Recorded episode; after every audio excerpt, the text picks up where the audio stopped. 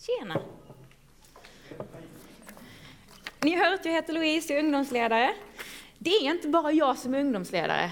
Jag är anställd här, men jag har åtta ytterligare fantastiska ungdomsledare med mig i jobbet att leda IG. Bland annat John som stod här och Tora som mötesledare.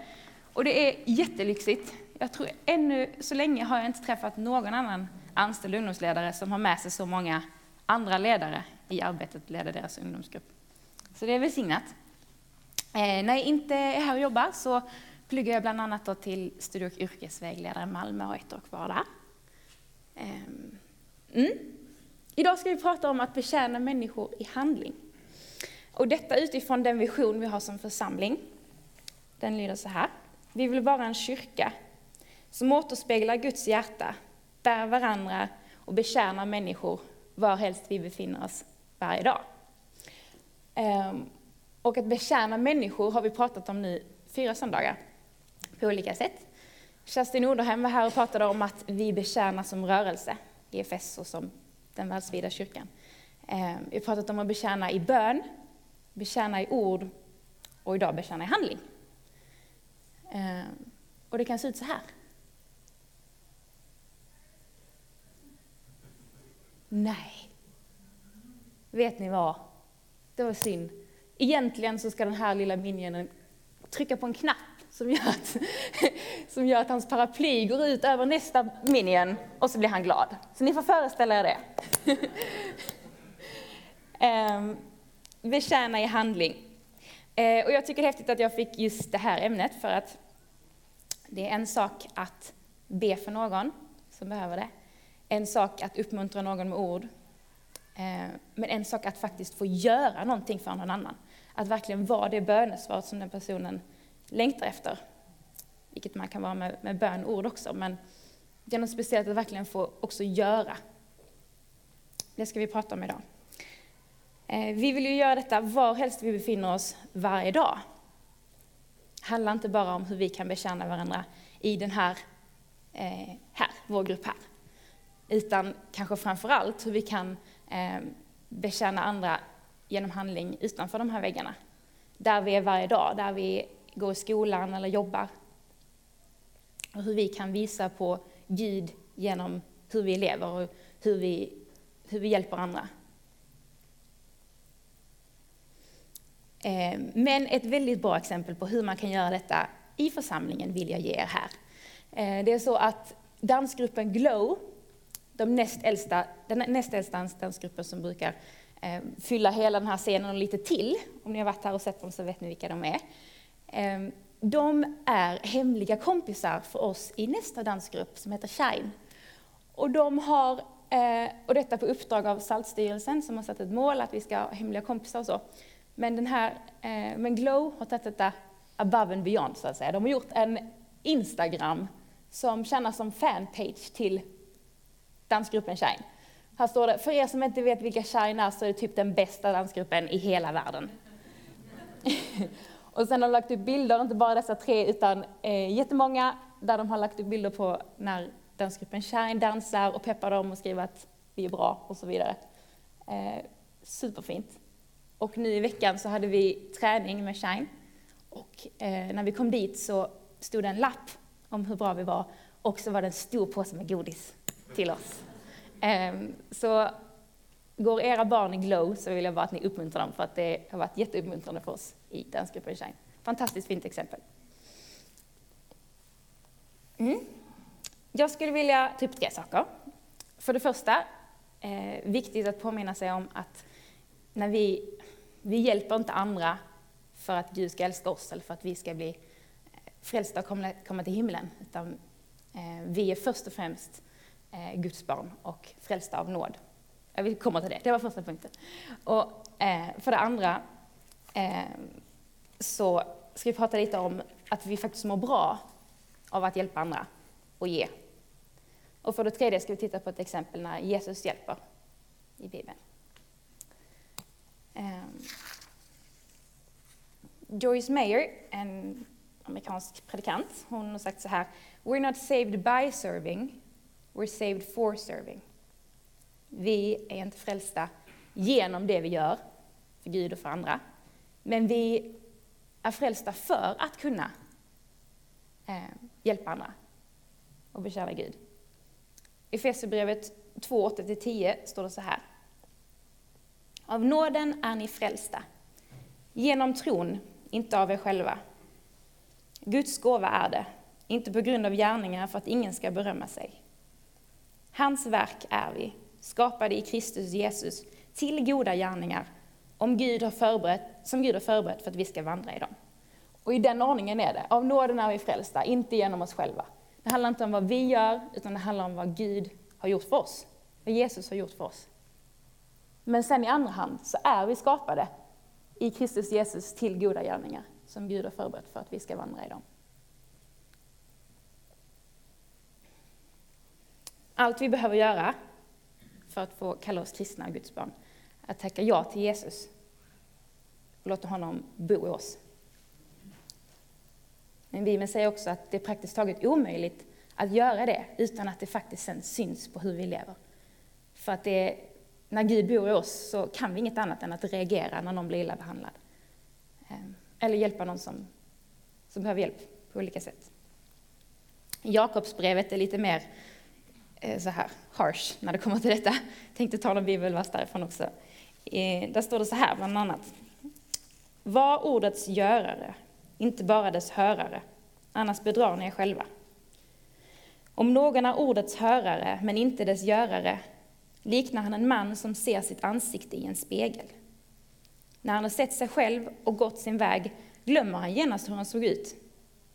Den som däremot blickar in i frihetens fullkomliga lag och blir kvar i den, inte som en glömsk hörare, utan som en verklig görare, han blir salig i det han gör. Jag kan känna igen mig i detta att det kan väldigt lätt bli mycket, mycket vi säger som sen inte blir till handling. Jag har suttit på flera möten eh, här och utanför de här väggarna där man kommer på en massa roliga idéer om hur man kan förändra verksamhet och hur man kan hjälpa andra. Men sen blir det liksom inget mer. Eh, det är frustrerande. Jag tror inte det är meningen att vi ska leva så. Eh, tänk om vi faktiskt skulle sätta igång och göra lite av, göra någonting av allt det som vi vet att Gud skulle kunna göra genom oss. Jakobsbrevet 2, 14-26 säger så här, nu har jag en liten fritolkning av Bibeln här, som kallas för The Message, så titta ner i er egen bibel så det inte exakt likadant ut, men gör gärna det för att kontrollera. Det är samma budskap. Kära vänner, tror ni att ni kommer någon vart genom att lära er de rätta orden men aldrig göra någonting? Är det den som talar vackrast om sin tro som är trognast? Anta att du får syn på en gammal vän som stapplar fram klädd i trasor och utan mat för dagen. Och så säger du, Gud välsigne dig min vän, klä dig i Kristus, mätta dig med den helige Ande. Och går därifrån utan att ge honom eller henne så mycket som en tröja eller en skål soppa. Vad hjälper det? Det ser ni väl att det är fördömt nonsens att snacka om tron på Gud utan att praktiskt visa sin trohet mot Gud. Eh, man kanske inte känner igen sig direkt i den här versen. Fast när jag tänkte efter så gjorde jag ändå det. Eh, det har nog hänt flera gånger att jag vet om någon som, någon vän som mår dåligt, ensam kanske. Och jag ber för den här personen hemma. Ehm, jag uppmuntrar den här personen med ord och önskar liksom eh, bönesvar från den här personen. Men sen tar det stopp där. Fast jag har möjligheten att göra mer och vara ett konkret bönesvar eh, så nöjer man sig med att be och uppmuntra. Och det är såklart jättebra. Men eh, ibland tror jag att vi behöver våga ta steget längre och faktiskt inse att kanske Gud vill att vi ska vara det bönesvaret som personen längtar efter. Mitt örhänge är lite i vägen här. Så. Mm. När jag var liten så fick jag höra att det är bättre att ge än att få. Och det trodde man aldrig på. Ehm, men även Bibeln säger detta. Det står så här i Apostlagärningarna. I allt har jag visat er att man ska arbeta och ta hand om de svaga och komma ihåg det ord som Herren Jesus själv har sagt. Det är saligare att ge än att få. Och jag tycker det är kul när forskare kommer fram till sånt som vi redan har sett står i Bibeln. Detta är faktiskt ett sådant exempel. Eh, här står det att det handlar inte bara om att vi ska liksom hjälpa andra för att Gud har gett oss det uppdraget och det är lite kämpigt och så, utan det är faktiskt saligare att ge än att få. Och saligare, ja, kanske lite felaktigt att säga lyckligare, det är inte riktigt den översättningen, men alltså att vi själva blir välsignade av att få ge och hjälpa andra. Eh, och flera forskningsartiklar som jag har läst, satt mig in i, eh, säger ju faktiskt detsamma. Eh, forskning visar att samma del av hjärnan aktiveras som när vi äter eller har sex. Belöningssystemet aktiveras i hjärnan när vi hjälper eller ger, ger till andra. Och det påverkar inte bara oss psykiskt och får oss att bli glada, utan det påverkar varje cell i kroppen. Så att vi mår bättre rent fysiskt också. Riktigt häftigt. Och min egen reflektion är också att när jag hjälper någon annan eller engagerar mig i något meningsfullt projekt så blir det lite mindre navelskådning och liksom titta på mina egna brister och lite mer, oh, hur kan jag, hur kan jag få vara till skillnad? Jag är till skillnad från den här personen. Och det gör mig eh, lyckligare i livet. Och visst finns det en annan sida av detta också. Vi ska inte bortse från våra egna behov, självklart. Och vi vet alla att det finns ohälsosamma hjälpsituationer där, eh, som slutar i att vi blir utmattade eller utnyttjade. Så vi behöver gränser och balans i detta. Men generellt så mår vi faktiskt bra av att hjälpa andra. Eh, hur hjälper Jesus då? Vi ska titta på en bibelvers. Eh, när Jesus hjälper Bartimeus. Det känns väldigt relevant att titta på hur Jesus hjälper andra, för vi vill vara som han. Ja. När Jesus lämnade Jeriko med sina lärjungar och en stor folkskara satt en blind tiggare i vägen, Bartimeus, son till Timeus. När han fick höra att det var Jesus från Nasaret som kom började han ropa Jesus, Davids son, förbarma dig över mig. Många sa åt honom strängt att vara tyst, men han ropade bara ännu högre. Davids son, förbarma dig över mig. Jesus stannade och sa, kalla hit honom. Det gjorde så och sa till den blinde, lugn, res dig, han kallar på dig. Då kastade mannen av sig manteln, hoppade upp och kom fram till Jesus. Och Jesus frågade, vad vill du att jag ska göra för dig? Den blinde sa, Rabbini, gör så att jag kan se igen. Jesus sa, gå din tro har frälst dig. Och genast fick han sin syn och följde Jesus på vägen. Mycket man kan säga om den här bibelversen, men eh, något som jag vill lyfta fram är hur Jesus frågar Bartimeus, vad vill du att jag ska göra för dig? Jag kan tänka mig att de flesta såg på Bartimeus som den blinde mannen vid någon port som alltid satt där. Man såg honom som en blind man och det känns på något sätt självklart att det är det han vill ha hjälp med. Men Jesus frågar ändå, vad vill du att jag ska göra för dig? Han ser till Bartimeus som person. Och antar inte bara att han förstår hans situation, utan med respekt för honom frågar honom, hur kan jag hjälpa dig? Och jag tror att detta är viktigt för oss att ta med oss när vi hjälper andra. Att vi inte antar att vi förstår andra situationer och precis hur vi kan hjälpa. Ehm, ett missionsprojekt jag har hört talas om, eh, de hade samlat in eh, pengar eh, för att köpa datorer till en skola. Ehm, och när de kom dit, jag vet inte om de faktiskt hade köpt datorerna än, men det var i alla fall tanken. Och när de kom dit så visade det sig att de har ingen el, inga fungerande toaletter. Ehm, och någonting som var en god intention blev helt fel för att man inte hade först frågat eh, hur, hur vill ni, liksom, vad behöver ni? Um, mm, det riskerar att bli lite så här, oh, ja, eh, du behöver nog en kram.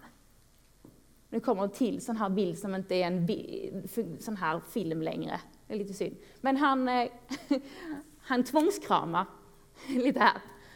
Eh, det kanske ni ser. Det blir liksom, oh jag tror att du behöver en kram. Så. Ehm. Mm. Jag tänkte ställa en fråga till er. Hur många av er oh, har den senaste veckan behövt hjälp med någonting som ni kan komma på. Mm. Hur många av er har sen också frågat någon om hjälp?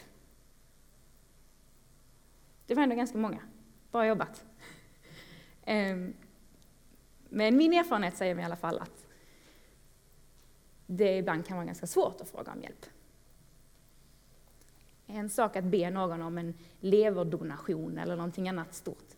Men att be någon om hjälp att skjutsa barnen eller ja, någonting som inte tar så mycket tid och energi. Ibland drar vi oss för det.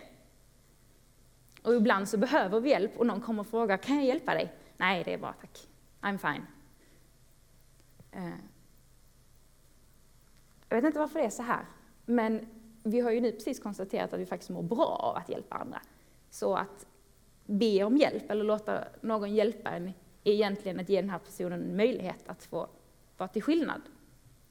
Och få känna att de, känna att de gör en skillnad.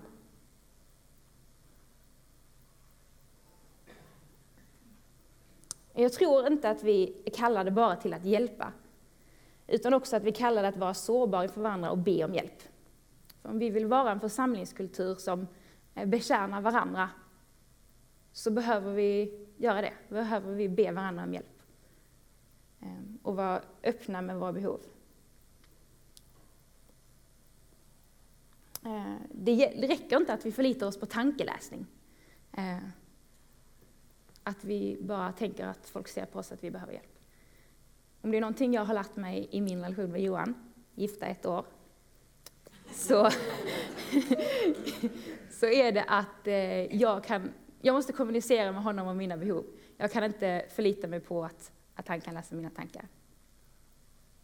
Och självklart vill han hjälpa mig om han bara vet vad det är jag behöver hjälp med och hur, ja, hur jag mår och så.